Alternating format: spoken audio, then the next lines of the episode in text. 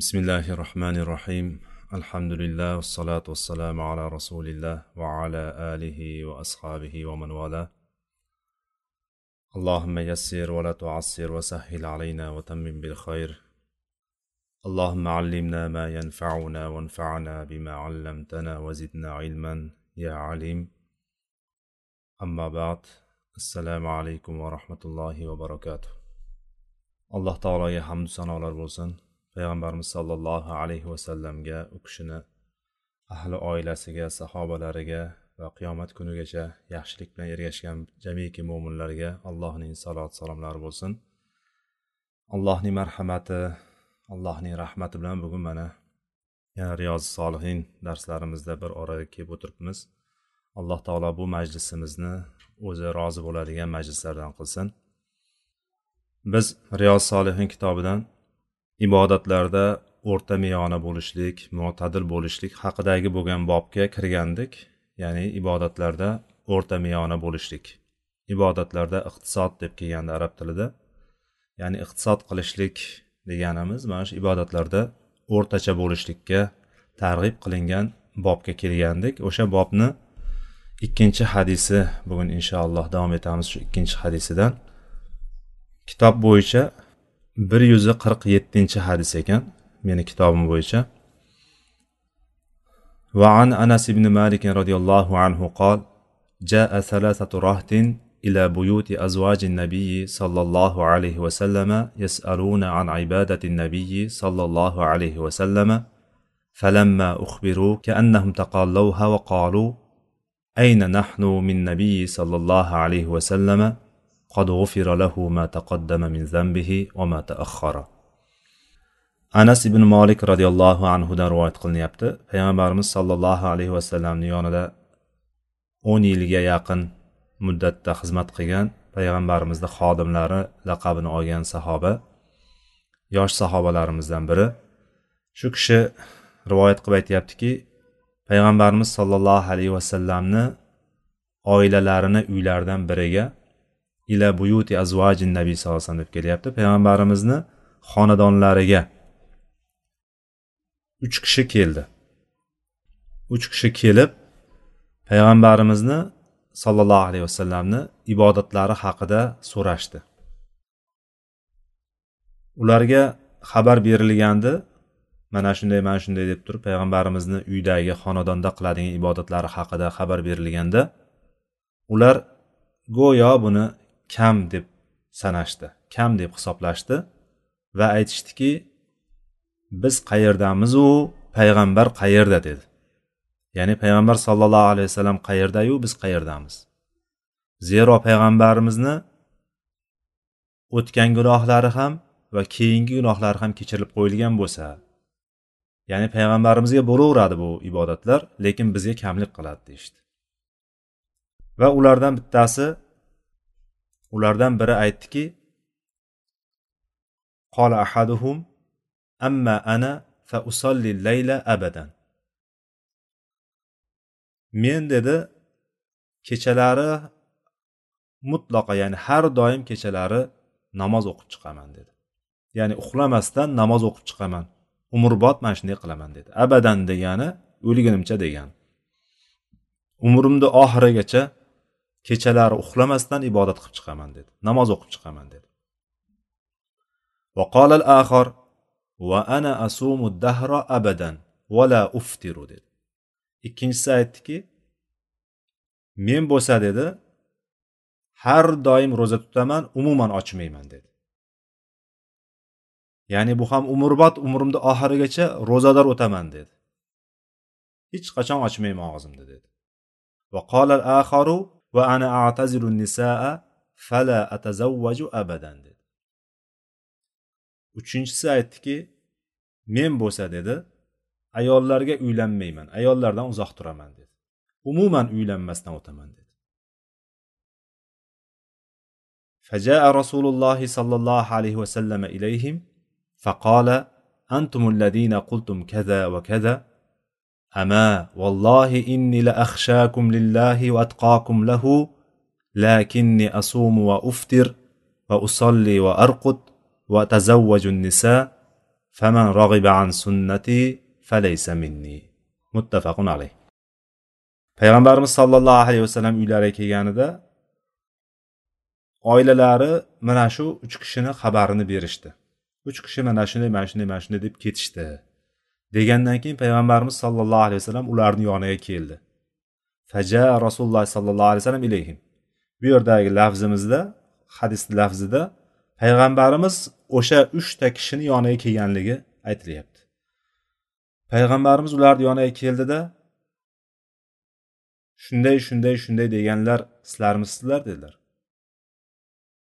Sizlar shunday dedilaringmi? deb so'radilar. Ulardan javob olgandan keyin payg'ambarimiz aytdilarki ammo men dedilar. Allohga qasamki ollohdan eng qo'rquvchiroqlaringiz va unga eng ko'p taqvo qiluvchirog'i menman dedi. Allohdan eng ko'p qo'rqadigan va allohga taqvodor bo'lganlaring menman dedilar.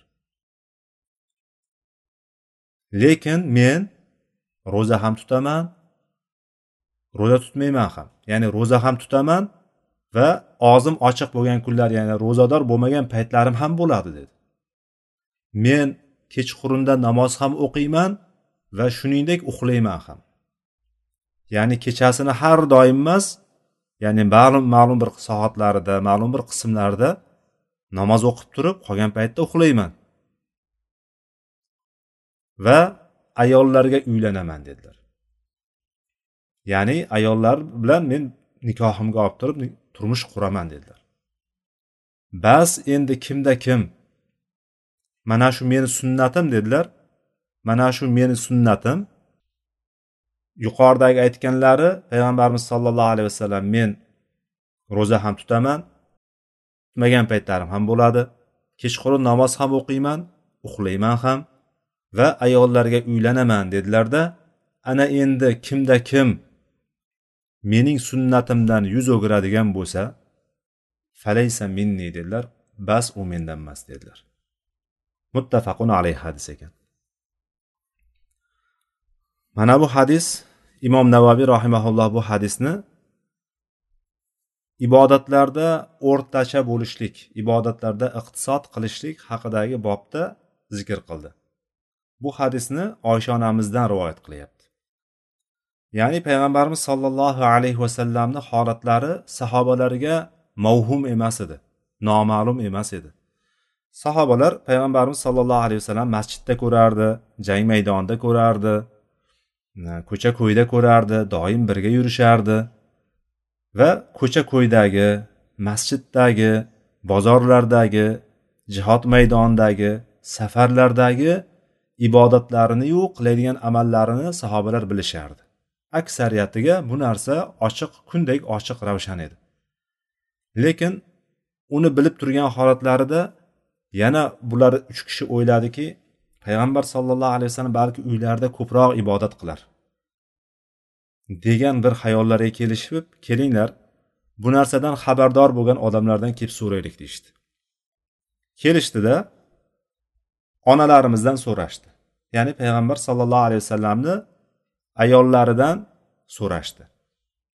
Chunki oilada bo'ladigan uyni ichida bo'ladigan narsalarni oilalaridan boshqa hech kim bilmaydi. Kechqurungi ibodatlar bormi? Uydagi bo'ladigan yumushlar bormi? Uydagi o'zini tutishi bormi? Ayollardan ko'ra erlarini yaxshi biladigan kishi bo'lmaydi. Shuning uchun sahobalar payg'ambarimiz sollallohu alayhi vasallamni oilalariga kelib turib payg'ambarimizni ibodatlari haqida so'rashdi. Bunga bir misol keltirsak ham bo'ladi. Umar abdulloh ibn umar. Abdulloh ibn umar roziyallohu anhu payg'ambarimiz sollallohu alayhi vasallamni namozlari haqida aytgan paytda payg'ambarimiz sollallohu alayhi vasallam peshindan oldin ikki rakat peshindan keyin ikki rakat va shomdan keyin ikki rakat va xuftondan keyin ikki rakat namoz o'qirdi deb turib aytganda mana shom bilan xuftonni esa sunnatlarini uyda o'qirdi deb aytadi. Va hafsadan eshitdim deb aytadi. Hafsa kim edi umar roziyallohu anhuni qizlari abdulloh ham umar roziyallohu anhuni o'g'illari. Ya'ni opam hafsadan eshitdimki payg'ambarimiz sollallohu alayhi vasallam bomdoddan oldin ham ikki rakat namoz o'qirkan deydi. Va yana bir rivoyatda aytadiki bu soatda men ularni huzuriga ya'ni payg'ambarimizni huzurida bo'lmasdim payg'ambarimizni yonida bo'lmasdim deb aytadi. Bu soatda men u yerga kirolmasdim deb aytadi.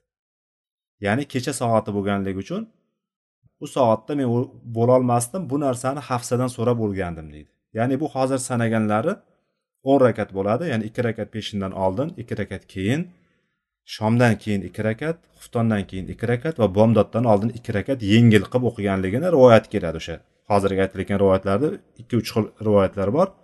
Lafzlari har xil kelgan hammasi abdulloh ibn umar roziyallohu anhudan keladi. Demak bu yerda o'n rakat sanaldi. Xullas e, biz hozirgi o'qiyotgan odatda biz o'qiydigan holatimiz o'n ikki rakat.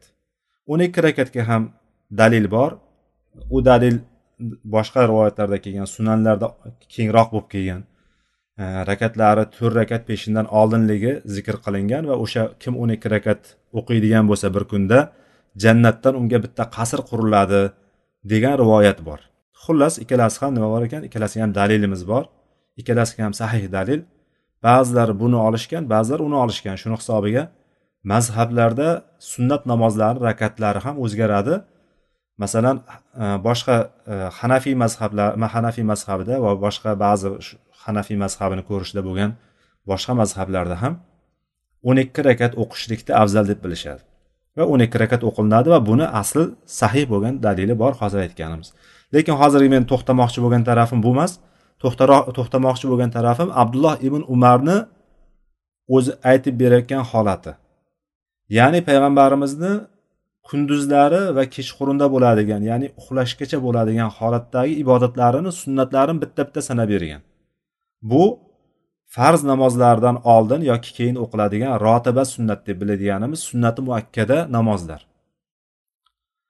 Mana shu namozlarni holatini aytib berganda hammasini aytdida oxirida ikki rakatini hafsadan so'rab oldim deb aytyapti. Hafsa menga shunaqa dediki payg'ambarimiz bomdoddan oldin ham ikki rakat o'qir ekan deb turib aytib beradi. Demak xonadonda bo'ladigan holatlarni onalarimizdan ko'ra ya'ni payg'ambarimizni oilalaridan ko'ra yaxshiroq biluvchi hech kim bo'lmagan. Va bu uch sahoba ham mana shu narsani qasd qilib turib kelib payg'ambarimiz sollallohu alayhi vasallamni ibodatlari haqida fikrlashdi so'rashdi. Kelib turib ularga payg'ambarimizga payg'ambarimizni uydagi holatlarini aytib bergandan keyin ular bunday qarashdida kam sanashdi. Iye bu kamku dedi. Ya'ni ularni nazarida kam ko'rindi. Chunki payg'ambar sollallohu alayhi vasallam uylariga kelgandan keyin ham u kishi oddiy inson edi u kishi ham. Ya'ni bir tarafdan qaraganimizda bizga o'xshagan oddiy inson edi. Bizdan farqli tarafi bo'lsa u kishiga vahiy tushib turardi va alloh taolo u kishini butun xato gunohlardan saqlab qo'ygan edi. Mana shu tarafidan bizdan farqli tarafi bor. Lekin insonni insonlik jihatidan oladigan bo'lsak u kishi ham yeydigan ichadigan uxlashga ehtiyoji bo'lgan uylanishga ehtiyoji bo'lgan inson edi u kishi ham. Va payg'ambarimiz sollallohu alayhi vasallamni uyga kelgandan keyingi holatlari risoladagidek edi. Hozir biz risoladagidek deb ishlatadiganimiz risoladagidek edi. Uydagi keladigan holati mana rivoyatlarda payg'ambarimizni oilalaridan rivoyat qilinganda uyga kelgan paytda uydagi uy yumushlariga qarashishligi hatto uydagi e, supurish sidirish ishlarini ham o'zi qilganligini birovga ehtiyoji tushmaganligini va oshxonada payg'ambarimiz sallallohu alayhi vasallam oilalariga yordam berganligini hatto bir safar kelganda e, bir oshqovoqni yoki boshqa shevalarda aytganimizda kadini to'g'rab turganligini ko'rib turib yo rasululloh buni nima qilasiz? deydi. Nima qilyapsiz? Tushunmadim buni deb turib sahoba so'ragan paytda bu bilan ovqatimizni ko'paytiramiz deganlar payg'ambarimiz. Ya'ni bundan ko'rinadiki qozon tovoq ishlarida ya'ni oshqozon e, oshxona oshxona ishlarida ham payg'ambarimiz sollallohu alayhi vasallam oilalarga yordam berganlar. Ya'ni bir tarafdan qaraydigan bo'lsak bunga qarayapti hamma tomoni xuddi oddiy insonlarga o'xshab ketadi. Lekin oddiy insonlardan tarafi boshqa o'tib turadigan tarafi men sizlarni ichlaringizda ya'ni sizlarni payg'ambarimizdan hadis keladi sizlarni yaxshilaringiz oilalariga ahli oilalariga yaxshi bo'lganlaringiz va men ahli oilasiga eng yaxshi bo'lganlaringizman deganlar. Ya'ni xonadonda ko'ryapmizki payg'ambarimiz sallallohu alayhi vasallam hamma yumushlarda bor. Lekin azon aytib qolinadigan bo'lsa namozga chaqirib qoladigan bo'lsa xuddi yonida biz yo'qdek bo'lib qolardik. Ya'ni bizni yonida borligini ham unutib qo'yardi deb keladi hadisda. Ya'ni biz go'yoki yo'q hisobda bo'lib qolardik hamma narsani tashlab turib namozga chiqib ketardik. Ya'ni mana bu holatlarni ko'rgandan keyin yoki kechqurungi ibodatlari payg'ambarimiz sollallohu alayhi vasallam kechqurungi tungi ibodatni tahajjud namozini umuman tark qilmaganlar. Har doim o'qiganlar. Ba'zan rivoyatlarda keladi ba'zan uyqu g'olib kelib uxlab qoladigan bo'lsa kunduzlari to peshingacha bo'lgan oraliqda ya'ni quyosh chiqqandan peshingacha bo'lgan oraliqda quyosh tikkaga keladigan vaqtgacha bo'lgan oraliqda payg'ambarimiz sallallohu alayhi vasallam kechqurun o'n bir rakat o'qiydigan bo'lsa kunduzlari o'n ikki rakat qilib o'qib qo'yardilar deb aytadi. Ya'ni tark qilmaganligi kelyapti. Payg'ambarimiz sallallohu alayhi vasallam ba'zan kechalari to'liq uyqusiz ibodatni o'tkazgan kunlari bo'lgan. Oldingi hadislarda o'qigandikki payg'ambarimizni oyoqlari shishib ketardi hatto tovonlari yorilib ketadigan darajada uzoq uzoq qiyomda turganligi namoz o'qiganligi bor. Yoki boshqa tarafdan qaraydigan bo'lsak ro'zalarni qaraydigan bo'lsak payg'ambarimiz ro'za tutardilar orqama ketin ya'ni ulama ro'za tutardilar umuman saharlik e, umuman iftorlik qilmasdan turib ikki uch kun undan ham ko'p kunlarda payg'ambarimiz tutardilar ulama ro'za deyardi ya'ni payg'ambarimiz sollallohu alayhi vasallam bunga toqatlari yetardi o'sha narsani qilishlikka. Bir safar ali roziyallohu anhudan tobeinlardan bir qismi kelib turib so'raydi. Payg'ambarimizni ibodatlari kunduzgi ibodatlarini bizga aytib berasanmi bizga bir aytib ber kunduzgi ibodatlarini deganda ali roziyallohu anhu aytadilarki sizlardan qaysilaring ham buni qila olardilaring deydi buni qilolmaysizlarki sizlar men aytganim bilan buni qilolmaysizlarki deydi toqatlaring yetmaydi bunga narsaga deganda tobeinlarni qaranglar aqlliligini ya'ni mo'min kishi shunaqa farosatli bo'lishligi kerak. Aytadiki sen aytavergin deydi sen aytavergin balki ichimizdan qiladiganlar chiqib qolar balki deydi. Sen aytaver payg'ambarimizni qiladigan kunduzgi ibodatlari haqida bizga xabar berib qo'yavergin balki qiladigan kishilar chiqib qolar deydi. Shunda ali roziyallohu anhu payg'ambarimizni kunduzgi ibodatlari ya'ni kunduzgi namozlari haqida aytib beradi. Birinchi boshlaganida quyosh chiqqandan keyingi holati mana ko'ryapsizlarku quyosh mana yoqda turibdi. Endi asrda quyosh botishdan oldin qanday turadi? Xuddi o'shanday botishdan asr paytida quyosh botishga yaqin bo'lgan paytda qayerga kelgan bo'lsa o'shani e, o'shani bu tarafdagi ya'ni quyosh chiqadigan tarafida qanday kelgan o'shanaqa holatni tushunyapsizlarmi deb ko'rsatadi. Mana shunaqa holatga kelgan paytda payg'ambarimiz ikki rakat o'qirdi deyadi deb aytdilar. Ya'ni bu biz hozirgi alohida nomlab olganimiz ishroq namozi degan namozda ishora qilyapti. Mana shu yoqqa kelganda namoz o'qirdilar. Quyosh chiqqandan keyin biroz ko'tarilgandan keyin shu tarafga quyosh kelganda o'qirdilar ikki rakat. Keyin peshinda quyosh og'adiku. Botish tarafga qarab quyosh og'ganda botish taraf ya'ni bot og'masdan oldin bu tarafiga o'tkazsang shu narsani ya'ni bu tarafga qanday og'aydigan bo'lsa shu quyoshni bu tarafga o'tkazadigan bo'lsang o'sha paytda to'rt rakat o'qirdi. Ya'ni bu narsa zuhoni eng afzal paytiga zuho namozini eng afzal o'qiydigan paytiga ishora qildi. Ya'ni quyosh qattiq qizdirgan paytga solatul avvabin deb keladi boshqa hadislar bilan avvabinlar namozi deb atalgan zuho namoziga aytilgan bu. Quyosh qattiq qizdirgan paytda o'qilinadigan namoz. O'sha yerda o'sha paytda to'rt rakat o'qirdi deb aytdi. Ya'ni peshindan oldin quyosh tikkaga kelishidan biroz oldin to'rt rakat o'qirdi deb aytdi. Keyin quyosh og'gandan keyin peshindan oldin to'rt rakat o'qirdi. Va peshindan keyin yana ikki rakat o'qirdi. Va asrdan oldin to'rt rakat o'qirdi deb turib mana shu kunlik namozlarni aytib beradilar. Ali roziyallohu anhu. Lekin o'sha aytib berayotgan o'shani aytishdan oldin nima dedi? Tobeinlarga sizlar bunga toqatlaring yetmaydi dedi. Kuchlaring yetmaydi bu narsani qilolmaysizlar dedilar. Hozirgi aytilgan namozlarni agar kunda rioya qilaman degan odam ancha biroz o'zini ustida ishlashi kerak nafsini biroz burnini yerga ishqashi kerak. Ya'ni osongina bu erishiladigan namoz emas hozirgi zuho namozi mana payg'ambarimiz sallallohu alayhi vasallam ikki vaqtda o'qidi. Birinchisi ilk vaqtida keyingisi eng afzal vaqtida o'qidi olti rakat o'qidilar. Bir kunda zuho namozini olti rakat o'qib o'sha narsaga rioya qilib kelayotgan ichimizda bormi? Yoki hozirgi aytganimizdek peshindan oldingi va keyingisini biz endi doim o'qiymiz sunnat muakkada bo'lganligi uchun va biz bu narsaga odat tusiga kirib qolganligi uchun doimiy o'qiymiz bu narsani. Lekin asrdan oldin ham to'rt rakat sunnat kelyapti asrdan oldingi to'rt rakat sunnatni aksariyatimiz o'qimaymiz. Va boshqa boshqa joylarda ba'zi bir xalqlarni o'qiyotganligini ko'rib turib bu narsani qayerdan olgan ekan doim o'qiydi deymiz misol. Lekin payg'ambarimiz sollallohu alayhi vasallamni bir marta o'qiganligi bir marta bir amalni qilganligi ba'zan doimiy qilishlikka yetadigan darajadagi sunnat bo'ladi. Lekin ikkinchi bir tarafdan qaraydigan bo'lsak payg'ambarimiz sallallohu alayhi vasallam har doim qilmaganligi uchun ba'zan ba'zan tark qilib turishlik ham sunnat bo'lib qoladi. Asrdan oldingi to'rt rakat sunnat haqida gapiryapman. Asrdan oldingi to'rt rakat sunnat haqida boshqa bir hadisda payg'ambarimiz sallallohu alayhi vasallam asrdan oldin to'rt rakat o'qigan o'qiganni alloh rahmatiga olsin alloh rahmatiga olsin alloh rahmatiga olsin deb uch marta aytganlar. Ya'ni ba'zan ba'zan bu narsalarni ham qilib turishlik nima ekan? Sunnat ekan. Endi bular shularni bilgan holatda shuncha narsalarni eshitib eshitib eshitib ko'rgandan keyin nima qilishdi? Payg'ambarimizni ibodatlari kam deb hisoblashdi.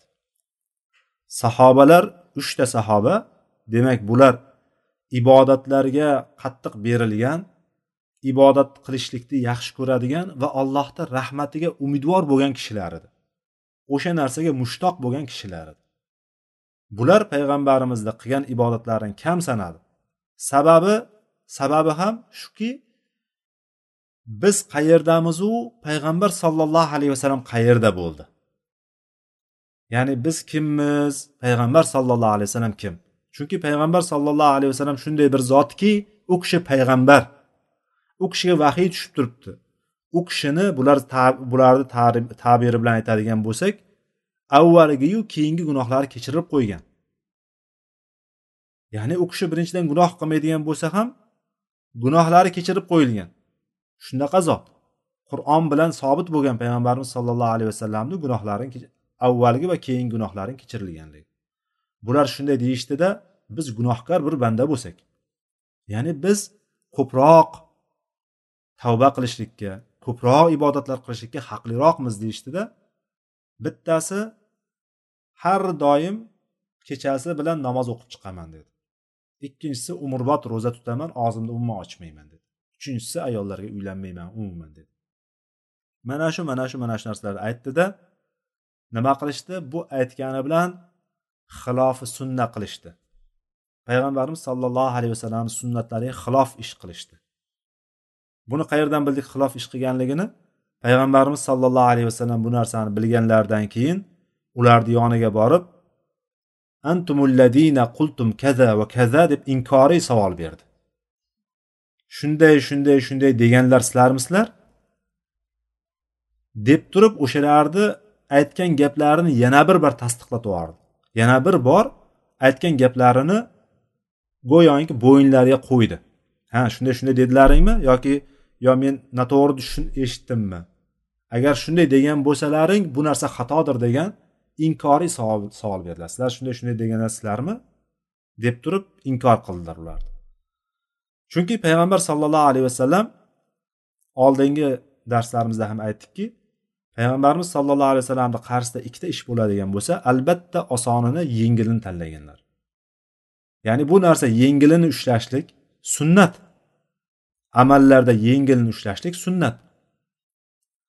Va bizni ko'nglimiz dilimiz rohat bilan qiladigan bag'ri ochiqlik bilan ya'ni bag'ri kenglik bilan qiladigan ibodatlarimiz sevib qiladigan ibodatlarimiz bizni foydamizga bo'ladi.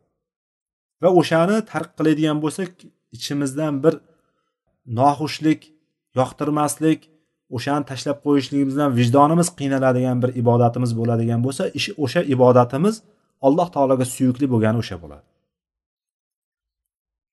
Payg'ambarimiz sallallohu alayhi vasallam orqasidan tushuntirdilar men ro'za ham tutaman tutmagan kunlarim ham bo'ladi namoz o'qiyman kechalari uxlayman ham ayollarga uylanaman ham dedilar. Va mana shu narsani sunnat ekanligini agar kimda kim mana shu sunnatidan payg'ambarimiz sallallohu alayhi vasallam shu sunnatidan yuz o'giradigan bo'lsa payg'ambarimizdan emas ekanligini aytyapti. Payg'ambarimizdan emas degani bu islom millatidan emas degani bu. Ya'ni payg'ambarimiz sollallohu alayhi vasallam olib kelgan dinda emas degani bu. Har qancha ko'rinishdan hozirgi umrbod ro'za tutib yurgan odamni biz aytishimiz mumkin. Juda katta ish qilyapti deb ro'za tutyapti chunki. Kim ollohni roziligi uchun bir kun ro'za tutadigan bo'lsa bir kun ro'za tutadigan bo'lsa ollohni roziligi uchun ha? Allohni roziligi uchun bir kun ro'za tutadigan bo'lsa ba'zi rivoyatlarda yetmish yillik masofaga do'zaxdan uzoqlashtiriladi deyiladi. O'sha kishi ollohni roziligi uchun tutadigan bo'lsa alloh taolo aytadiki uni mukofotini o'zim beraman. Uni savobini ajrini o'zim beraman deydi. Qolganlarini ham alloh taolo o'zi beradi. Lekin bu narsani yanada xoslab o'zim beraman degani uni savobi belgilanmagan hech kim bilmaydi. U narsani o'zim ularni ikrom qilaman degani alloh taolo shundaqa deyapti. Mana shunday bo'lishiga qaramasdan payg'ambarimizni olib kelgan yo'llariga teskari bo'lganligi uchun bu narsada xayr yo'qdir. Bu narsada xayr yo'q yaxshilik yo'q. Chunki alloh taolo oli imron surasida aytdiki qul in kuntum tuhibbunalloha fattabi'uni yuhibbukumulloh va yaghfir lakum zunubakum vallohu g'afurur rahim. Ayting ey muhammad sallallohu alayhi vasallam odamlarga aytingki agar sizlar ollohni yaxshi ko'raman deydigan bo'lsalaring ollohni yaxshi ko'raman degan davoda bo'ladigan bo'lsalaring menga ergashinglar deb ayting deyapti. Demak alloh taoloni muhabbatini qozonishlik uchun alloh taoloni rahmatini qozonishlik uchun alloh taoloni jannatiga kirishlik uchun yo'l bitta boshqa yo'l yo'q. Nima ekan? Payg'ambarimiz sollallohu alayhi vasallamga ayting deyaptiki menga ergashinglar deb ayting deyapti. Ergashishlik dinimizni asosi ergashishlik. Ko'rinishdan har qancha katta ibodat bo'lib ko'rinsin. Har qancha chiroyli bo'lib ko'rinsin lekin bu sunnatga muvofiq bo'lmaydigan bo'lsa payg'ambarimiz olib kelgan dinga teskari bo'ladigan bo'lsa bu narsada xayr yo'q. Bu narsa butunlay teskarisi aksi bil aks o'ziga ziyon bo'ladi. Chunki u bitta bidatni tiriltirgan bo'ladi. Bidat qilgan kishi zalolatga zalolat esa do'zaxga olib boradi uni. Kechalari uxlamasdan namoz o'qishlikni qaytargan bo'lsa endi ikkinchi tarafiga o'tamiz biz. Dunyoviy narsalarga o'tamiz. Kechasi bilan uxlamasdan o'yin o'ynab chiqadiganlar. Kechasi bilan uxlamasdan boshqa bir narsalar bilan ovora bo'lib chiqadiganlar. Bu nima qilayotgan bo'ladi deb o'ylaymiz. Qani bir baho beraylikchi? Kechqurun bilan uxlamasdan kechasi bilan uxlamasdan bir o'yin o'ynagan. Yoki bir kino ko'rgan ya'ni kechasi bilan uxlamasdan yoki bittasi bilan gaplashib o'tirgan. Ana boring xotini bo'lsin ana boring eri bo'lsin agarchi o'sha narsa ertalabgacha uxlamasdan bo'ladigan bo'lsa qani uxlamasdan chiqishlik bo'ladigan bo'lsa qani to'g'ri bo'larmikan yo'qmikan? Bu yerda namoz o'qiyman deyapti bu uxlamasdan namoz o'qiyman deyapti.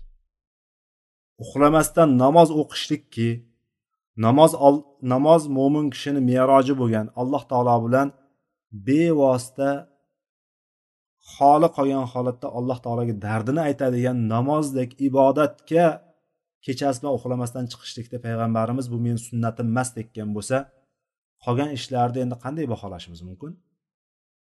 Qolgan ishlarni umuman gapirmasak ham bo'laveradigan holatga keladi. Demak shunga qarab turib biz o'zimizni nima qilishimiz kerak? To'g'irlashimiz kerak.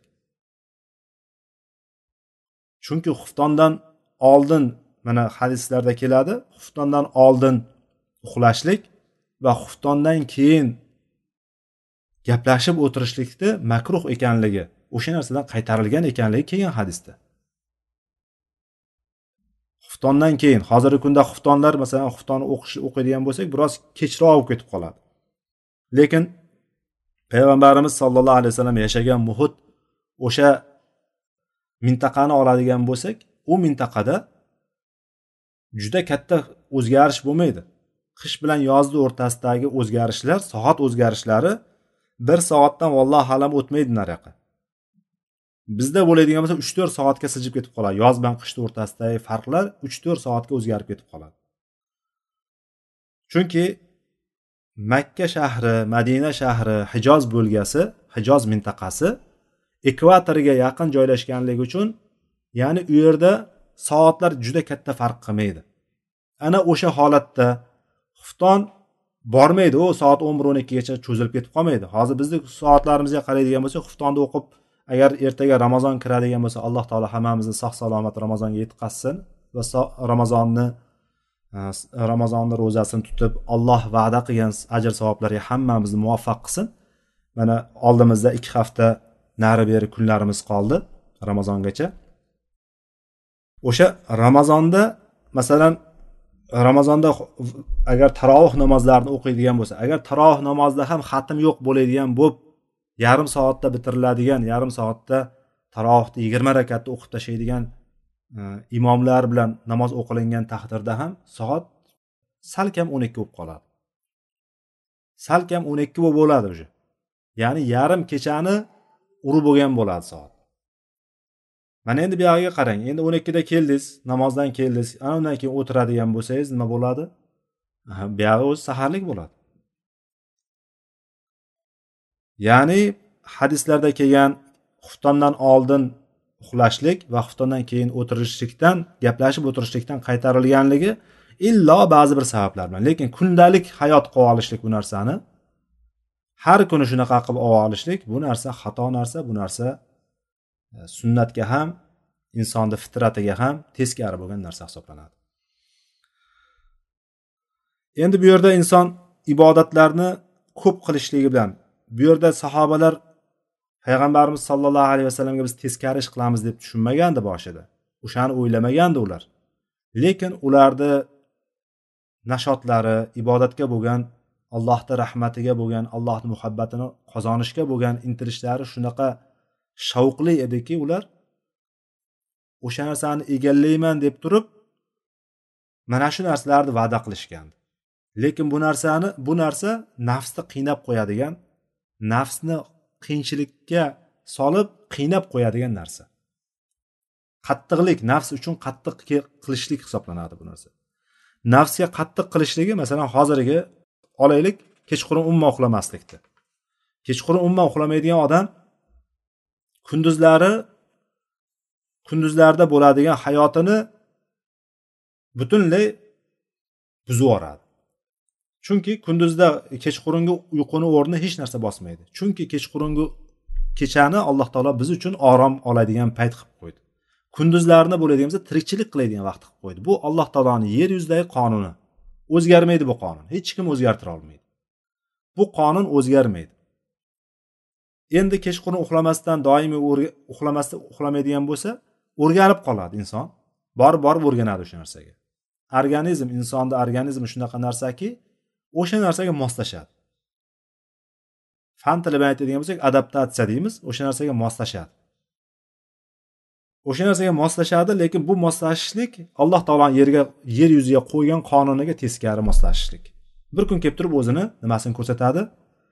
O'zini e, ta'sirini ko'rsatadi bir kun. O'rtaga chiqadi. Kasalni yashirsang isitmasi oshkor qiladi degandek bir kun kelib turib o'rtaga chiqadi. Ya'ni insonda borib borib borib borib turib butun asablar charchab butun organizm ham butun insonni badani ham o'sha ham bir kun borib turib charchab bir kun borib yiqiladi. Yiqilganda ana unda hamma narsani qo'ldan boy beradi. Organizmda modda almashinuvi bormi hamma narsa boshqacha ketadi. Chunki yer yuzidagi qonunga qarshi hech kim harakat qila olmaydi. Kim qonunga qarshi yuradigan bo'lsa alloh taoloni qonuni uni sindirib qo'yadi. Endi ibodatni kechqurundan qilib chiqqan odam ma'lum bir kungacha boradi balki oylar borar yilga bormaydi. Bu muhaqqaq bu aniq narsa yilga bormaydi. Lekin bir necha oylarga borar.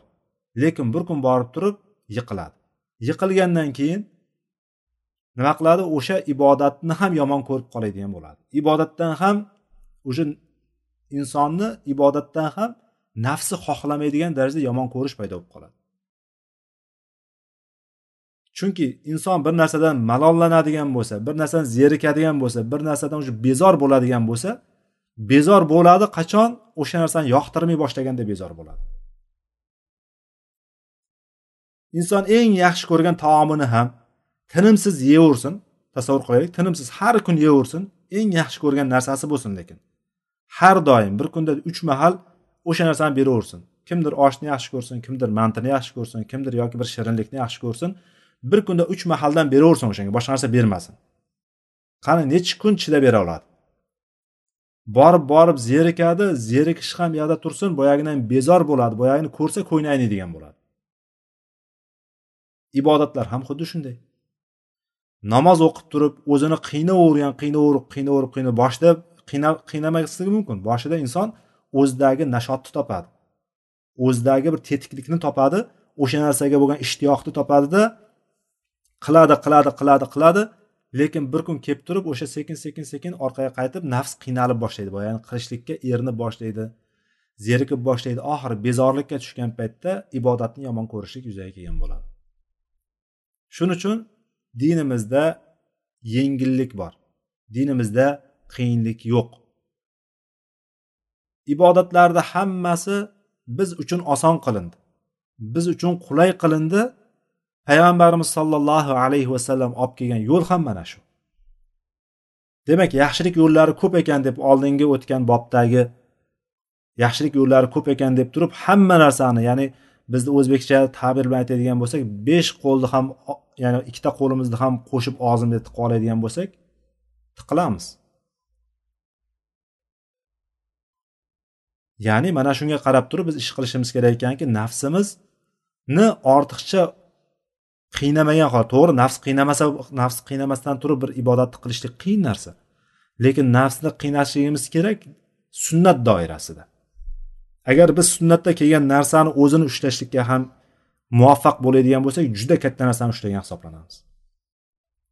Endi bular biz bu ibodatlar haqida gapiryapmiz gapiryapmiz eshitayotgan odam noto'g'ri tushunib qolmasinki bu narsalar nafl ibodatlar haqida gapirilyapti. E bu besh vaqt namoz ham qiyin bo'lib ketdi qiyin ekan nafsga qiyin bo'lyapti. Nafsni qiynash kerak emas ekan. Bu ibodatlarga bemalol bo'lishligi kerak ekan. Ke shuni bir mahal o'qib qo'ysam ham bo'laversa kerak degan narsa o'tmaydi. Yoki ramazonni olaylik. Ramazonda ham ro'za tutish qiyin ekan. Kunni issig'i mana bu yil yozga to'g'ri keldi. Yozni ham eng qattiq qizdirgan kunlari eng uzoq bo'lgan kechalari qisqa bo'lgan paytiga to'g'ri kelib qoldi. Chanqaydi odam ishga boradi boshqa qiladi. Bu narsaga chidash qiyin ekan bu nafsni qiynash ekan. Shuning uchun nafsni qiynamaylik.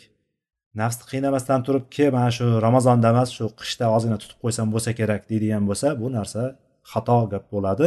Chunki bu yerdagi ibodatlarda o'rta miyona bo'lishlik haqida gapirilgan narsa nafl ibodatlarda gapirilyapti. Farz ibodatlarni alloh taolo bizga yuklab qo'ydi. Biz mukallafmiz. Kallafa so'zi o'zi bir narsa mashaqqat yuklashlik degani bizga qiyinchilik kulfat kulfat degani bizga o'zbekchada kulfat deganimizda bir e, boshqa narsa tushuniladi. Arab tilida kulfat degani kallafa yukallifu taklif mana shu taklif bizni ustimizga tushdi degani bizga mana shu yuk yuklandi zimmamizga. Shu yukni biz ko'tara olamiz chunki alloh taolo la yukallifullohu nafsan illa usaha alloh taolo biron bir jonga biron bir nafsga o'zini toqatidan ortiq narsani yuklamadi. Yukallifulloh mana kallafa yukallifu dedik taklif. Mukallaf deganimiz biz mukallafmiz. Ya'ni bizni zimmamizga yuklangan yukli kishilarimiz zimmamizda yukimiz bor. Doimiy o'sha yuk tushmaydi hech qachon. Bizni yelkamizga o'sha yuk qo'yib qo'yildi. Biz mukallaf yoshga kelganimizdan boshlab ya'ni balog'at yoshiga keldikmi ayollar mutlaqo hijobga kirishlari shart. Mukallaf yoshga keldimi? Insonlar erkak ayol bu qat'iy nazar hammasi namoz o'qishligi farz bo'yniga tushdi. Ro'za tutishligi farz bo'yniga tushdi. Zakotga qodir bo'ladigan bo'lsa zakotni berishligi farz bo'yniga tushdi. Hajga qodir bo'ladigan bo'lsa hajga borishligi shart. Ya'ni bu narsalar taklif bo'ynimizda turibdi. Yuklangan yuk bu narsani ko'tara olamiz. Alloh taolo hamma insoniyat insonni yaratganini o'zi yaxshi biladi. Ala ya'lamu man xaloq oyatda aytyaptiki alloh taolo ogoh bo'linglar. Alloh taolo ya'ni yaratuvchi zot o'zini yaratganini biladi deyapti. Yaratganini yaxshi biladi inson. O'zini bir narsa yasaydigan bo'lsa bir narsa qiladigan bo'lsa o'sha narsani juda yaxshi biladi. Agar uni noldan boshlab turib hamma ikir chikir bilan o'zi yasaydigan bo'lsa qayerda nima borligini juda yaxshi biladi. Alloh taolo hamma narsani bilib turuvchi zot bo'lganligi yarat yaratganni nima ekanligini qanday fikrlashligini qanday ishlar qilishligini qalbida nimalar kechyapti aqlida nimalar bo'lyapti hamma narsani alloh taolo juda yaxshi bilganligi uchun mana bu takliflarda shar'iy takliflarni bizga qo'ydiki alloh taolo bu shariat ibodatlarni bizga yukladi biz bu narsani uddasidan chiqa olamiz. Ya'ni yana ta'kidlab aytamanki bu hozirgi o'tayotgan bobimizdagi gaplarni hammasi nafl ibodatlarga tegishli bo'lyapti. Ya'ni nafl ibodatlarni qilishligimizdan alloh taologa yaqinlik hosil qilishlik alloh taologa taqarrub hosil qilishlik uchun qilamiz bu ibodatlarni chunki banda allohga farz ibodatlarni qilganchalik alloh taologa yaxshi ko'rilolmaydi. Farz ibodatlaridek allohga yaxshi ko'rilgan biron bir ibodat turi yo'q. Bu mutloq gap. Farz ibodatlaridan ko'ra ramazon ro'zasi bo'lsin besh vaqt namoz bo'lsin yoki zakot bo'lsin mana shunga o'xshagan farz ibodatlaridek alloh taologa yaxshi ko'rilgan va savobi kattaroq beriladigan biron bir amal yo'q. Bu narsa yozib qo'yishimiz mumkin. Katta qovuslarni ichiga olib yozib qo'yishimiz kerak bo'lsa devorlarimizga osib qo'yishligimiz mumkin. Farz ibodatlaridan boshqa biron bir ibodat farzdan ko'ra kattaroq savob olib bera olmaydi. Bu mutloq bu hadis bilan kelgan. Lekin banda nafl ibodatlarni qilaveradi qilaveradi qilaveradi. Ya'ni nafl ibodatlarda bardavom bo'lib boraveradi. Hatto alloh taolo uni yaxshi ko'rib qoladi. Demak alloh taolo yaxshi ko'rib qoladigan joyga borishligimiz uchun farzdan tashqari nafl ibodatlarni ko'paytirishligimiz kerak ekan. Lekin nafl ibodatlarni ham ko'paytirayotganda mana bu bobdagi qoidaga ko'ra o'zimizni nafsimizni ortiqcha qiynab yuborishligimiz kerak emas. Ya'ni nafsimizni qiynab o'zimizga og'ir narsalarni yuklab olishligimiz kerak emaski ertaga uni tashlab qo'yib turib o'shandan bezor bo'lib qolmasligimiz uchun mana bu qoida bo'ldi qirq oltinchi bir yuz qirq oltinchi hadisga keldik yoki bir yuz qirq sakkizinchi hadisga ikkita e, raqamni ham aytib ketyapman va va an وعن ابن مسعود رضي الله عنه أن النبي صلى الله عليه وسلم قال هلك المتنطعون قالها ثلاثا رواه مسلم ibn masud roziyallohu anhudan keldi. Ibn masud deganimizda oldin ham aytgandik hammamiz o'zi yod bo'lib ketdi. Yana yod bo'lib ketishligi va eshitganda har doim shu narsa o'rnashib qolishligi uchun aqlimizga har safar takrorlab turamizki buni chunki takrorlash bilimning onasidir degan bir qoida bor. Takrorlash bilimning onasidir. Ya'ni inson shuning uchun dehqon bo'lsang shudgor qil mulla bo'lsang takror qil deydi xalqimiz. Bu gaplar bekorga emas. Ya'ni shuning uchun takrorlayveramizki esdan chiqqan uchun xotirlabmi ya'ni bilmagan uchun yangi bir ma'lumot bo'ladi. Shu jihatdan har safar takrorlab turamiz bu narsani. Ya'ni to'g'ri tushunasizlar degan maqsadda yani ta'kidlab ketyapmiz. Ibn masud degan kalima qayerda aytadigan ibn masud deb aytadigan bo'lsak har doim biz shu abdulloh ibn masud roziyallohu anhudan sabiqunal avvalun islomga avvalgi kirgan musulmonlardan bo'lgan qur'onni juda go'zal o'qigan va qur'on mufassirlaridan bo'lgan faqihlardan bo'lgan va kufaga borib ya'ni imom e, umar roziyallohu anhu kufani va basra shaharlarini ochgan. Iroqda oldin bu shaharlar bo'lmagan o'sha shaharlarni qurgan. O'sha shaharlarga qurgandan keyin ibn masud o'sha yoqqa jo'natiladi o'qituvchi qilib va imomi azam rahmatullohi alayh nomon ibn sobit abu hanifa mana hammasini to'liq aytyapman abu hanifa deb turib aytgan bizni diyorlarimizda hanafiy mazhabidaman degan kishini asosi mana shu ya'ni hanafiy mazhabini asoschisi abu hanifa nomon ibn sobit hisoblanadi. Abu hanifa rahimaulloh ko'fadan ko'fada tug'ilgan ya'ni o'sha diyorda tug'ilgan u kishi hijriy sakson saksoninchi yillar atrofida va bir yuz elliginchi yilda vafot etgan. Ya'ni u kishini fikrlari u kishini mazhablarini aksariyatini borib taqaladigan joyi ibn masud roziyallohu anhuga borib taqaladi.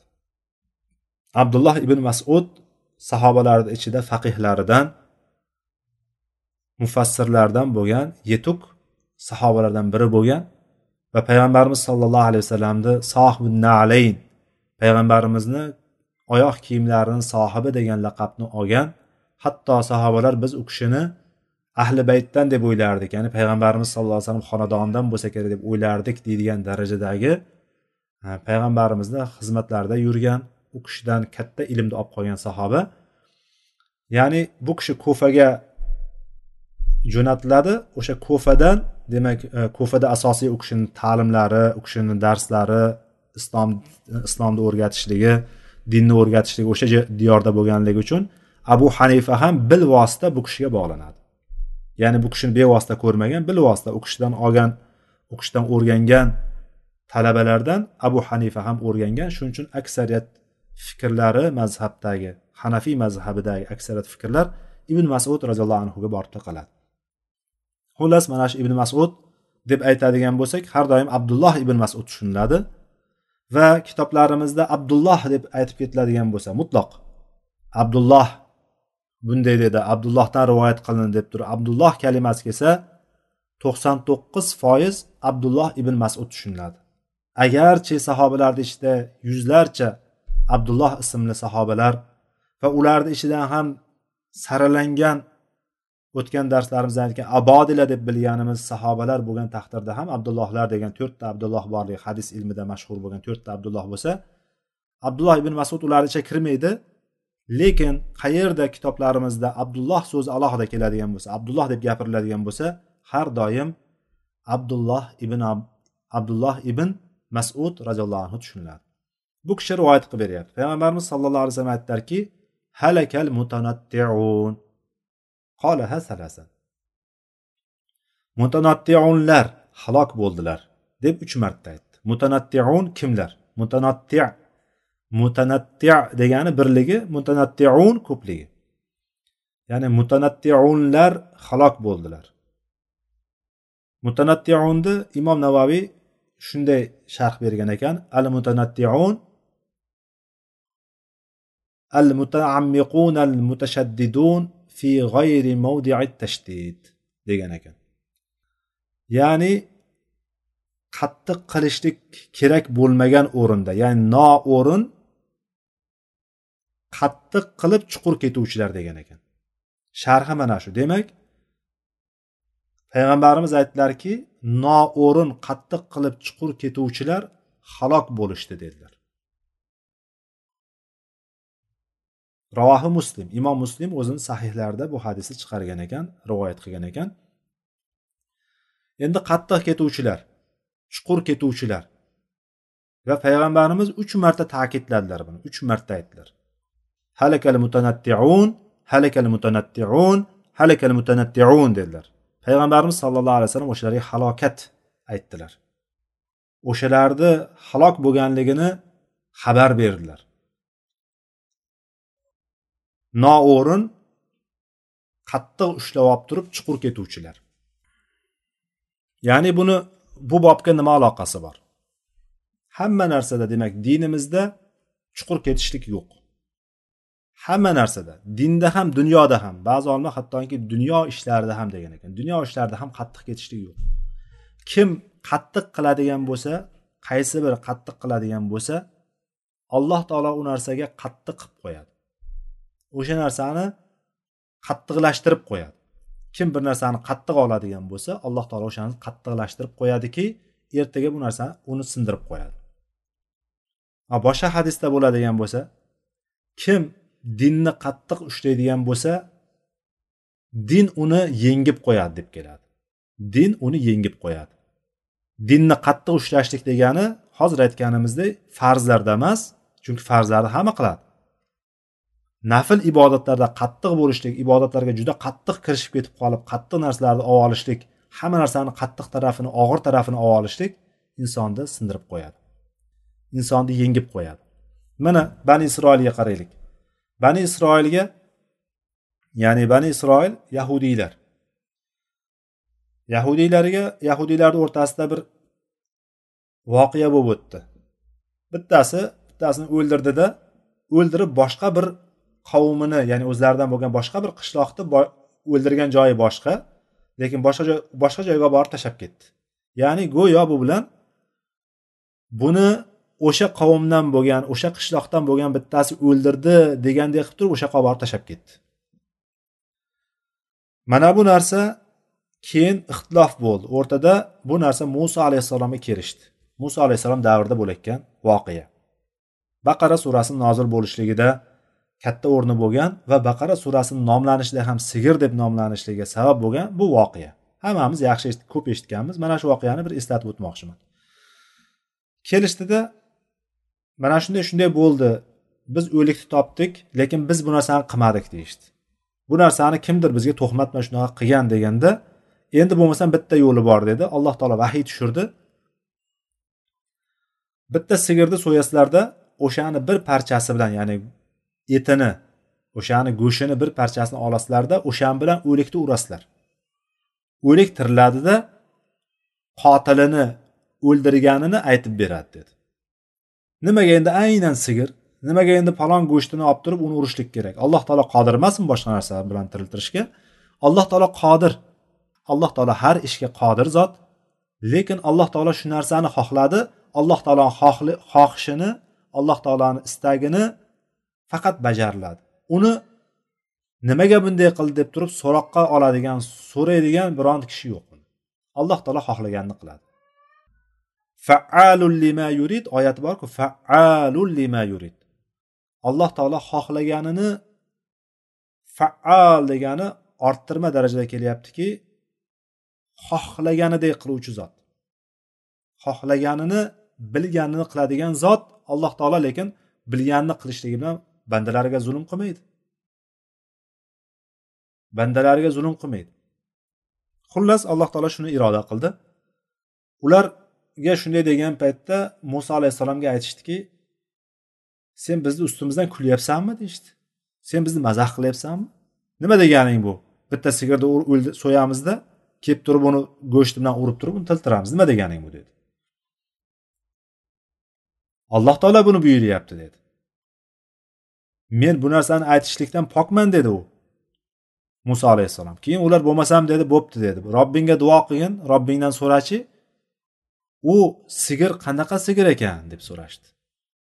Ular o'sha paytda orqasini surishtirmasdan turib bo'pti tamom shunday qilish kerak ekan qilish kerak ekan.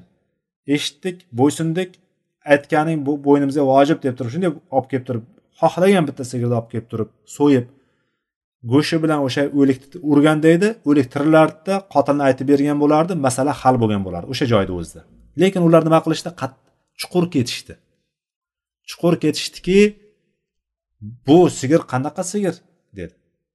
Uni keyin qari ham emas yosh ham emas o'rta yoshdagi sigir deb aytdi alloh taolo.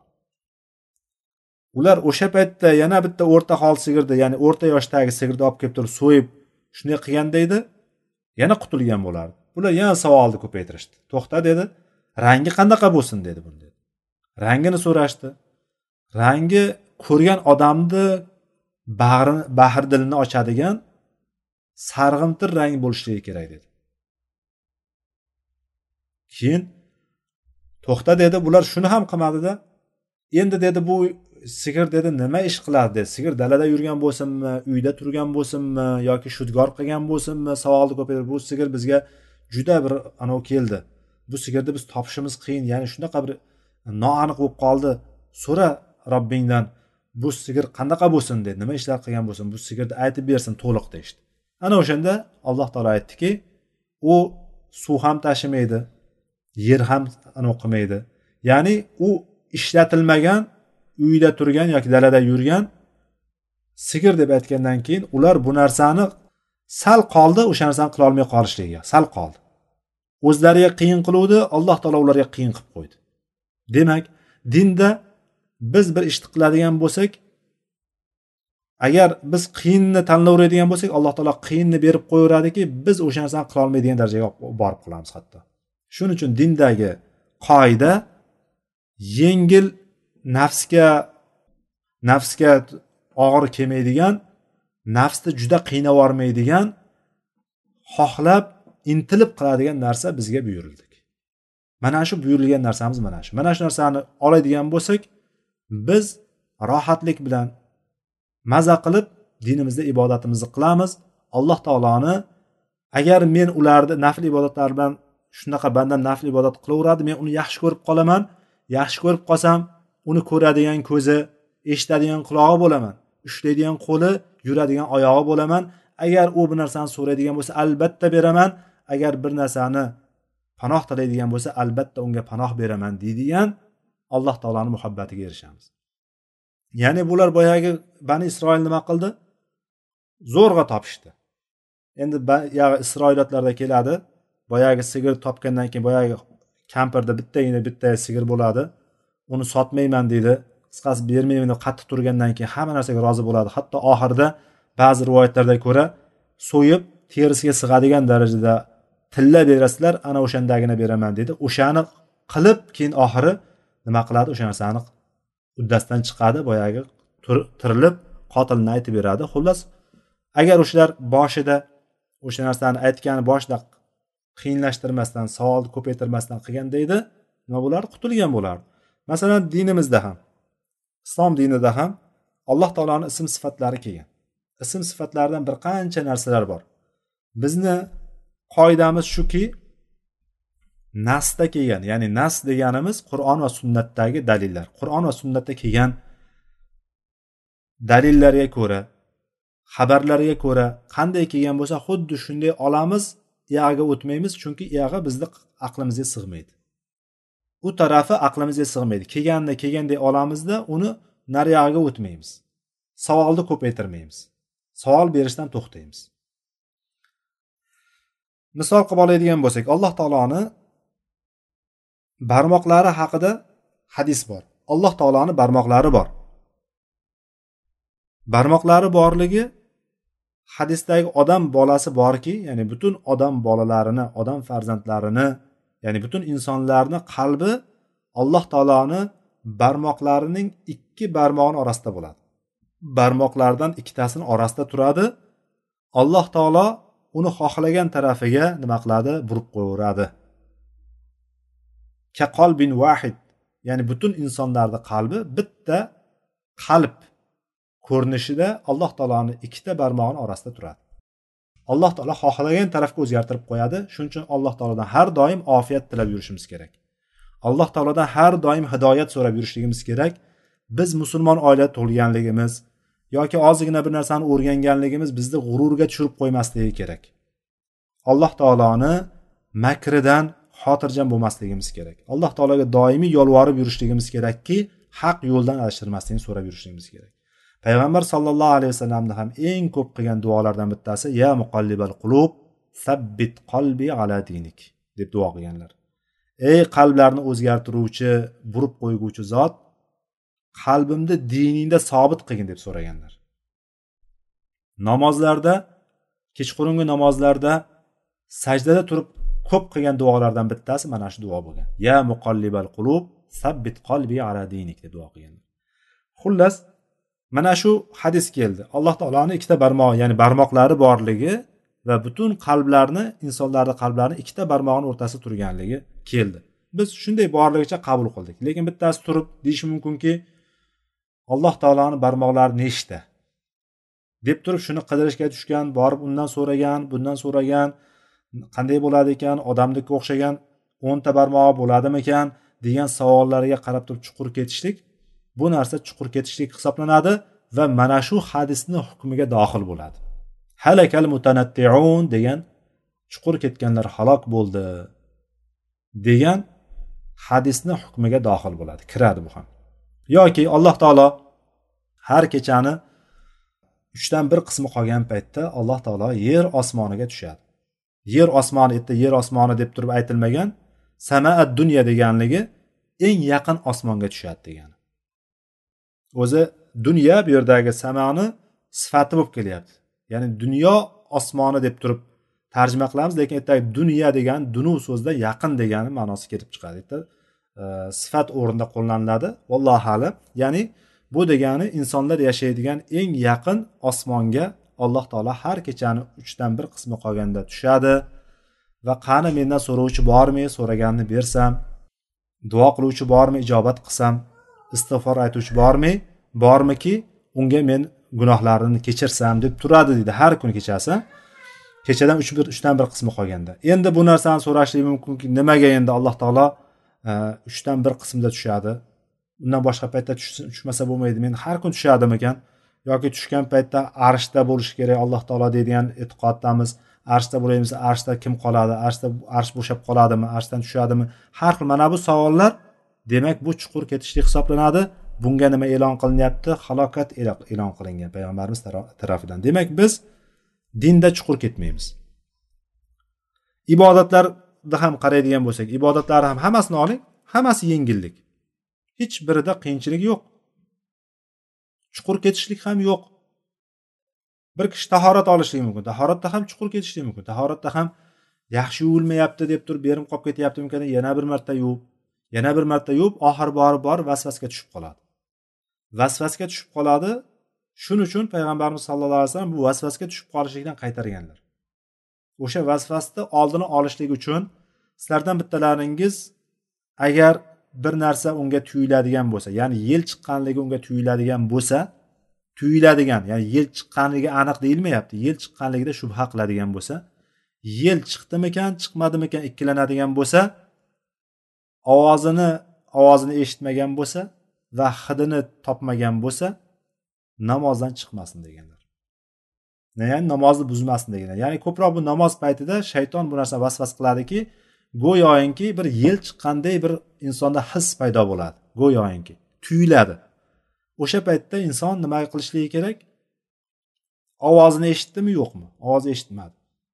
Hidi chiqdimi yo'qmi? Hidi chiqmaydigan bo'lsa namoz davom ettiradi tahorat buzilmagan hisoblanadi. Bu narsa shariatda yengillik bo'ldiki o'sha vasvasni oldini oldi. Bo'lmasam bir boshlanadigan bo'lsa buni oldi ochilib qoladigan bo'lsa har namozda shunaqa bo'lib turib hatto bir namozni ichida bir necha bor namozni buzib tahorat olishligiga to'g'ri kelib qoladigan va namoz og'irlashib qoladigan u kishiga qiyinlashib namozdan bezor bo'lib turib malollanib qoladigan joyga olib kelib qo'yadi shayton. Ba'zilar tahoratxonaga kirib ketib turib tahorat olishlik davomida yarim soatlab kerak bo'lsa bir soatlab yoki undan ham uzoq qolib ketadiganlarni ko'rganmiz biz. Sababi nima? O'sha vasvasdan tahoratdan keyin xuddi tomganday bo'ladi deydi. Chiqqanday bo'ladi deydi. Shuning uchun buni oldini olishlik uchun ham oldiga suv sepib qo'yishlik ham keladi. Endi bu qishni kunida buni qo'llashlik biz diyorlarimizda biroz qiyin. Inson shamollashi boshqa taraflari bo'lganligi uchun lekin o'shanda suv sepib qo'yishlikka buyurilgan. Suv sepib qo'yishlik nimani ko'rsatadi? Suv sepib qo'yganligi boyagi tomgan narsani to'g'ri tomgan narsa agar libos e, libosni oladigan bo'lsak tahorat tahoratsiz bo'lib qoladimi libos degan gapni oladigan bo'lsak tahoratsizligini ketkazishligi mumkindir lekin insonni buzilgan tahoratiga tahorat olib berolmaydi sepilgan suv. Hamma shunga ittifoqmi? Hamma qo'shilasizlarmi ya'ni tahorat sinsa ustiga bunday suv sepib qo'ysa tahorat olgan hisoblanadimi? Yo'q. Hisoblanmaydi. Bu narsa shu narsaga olib keladiki o'sha vasvasga tushib qolmaslikni oldini olish hisoblanadi. Agar siz suv sepib qo'yadigan bo'lsangiz suv sepib qo'yadigan bo'lsangiz oldingizga masalan biroz o'shanisiga etagiga suv sepib qo'yadigan bo'lsa yoki ichki kiyimiga suv sepib qo'yadigan bo'lsa endi agarchi tomsa ham boyagi siydik tomsa ham chiqqanday his bo'ladi tomsa ham boyagi namlik borku etakdagi yoki ichki kiyimdagi namlik borku o'sha namlik sababi sepgan suvingizni nami deb turib tushunaverasizda sizdagi vasvas ketadi. Mana shu sababdan o'sha vasvasni yo'qotishlik uchun o'shandaqa siydik tomishligi bilan balolangan vasvasaga uchrab qolganlar uchun mana shu narsa hadislar bilan tavsiya qilingan. Bu narsani ham oldi dinni o'ziga qiyin qilib qo'ymasligi uchun. Aslida boshida shu o'sha bilan boshlanmaydi ya'ni boshidan boshlab tom boshlamaydi. Inson tekshirib boshlaydi. Tekshiraveradi sal tomganday bo'laveradi bunday qiladi. Yo bo'lmasam qo'lim yaxshi yuvilmayapti deb to'rt marta yuvadi besh marta yuvadi. Mana bu narsani hammasi inson o'ziga qiyin qilayotgan bo'ladi va kim qiyin qilib o'ziga chuqur qilayotgan bo'lsa mana shu hadisni hukmiga dohil bo'ladi. Vallohu alam. Biroz darsimiz cho'zilib qoldi. Allohu alam. سبحانك اللهم وبحمدك أشهد أن لا إله إلا أنت أستغفرك وأتوب إليك. وآخر دعوانا أن الحمد لله رب العالمين.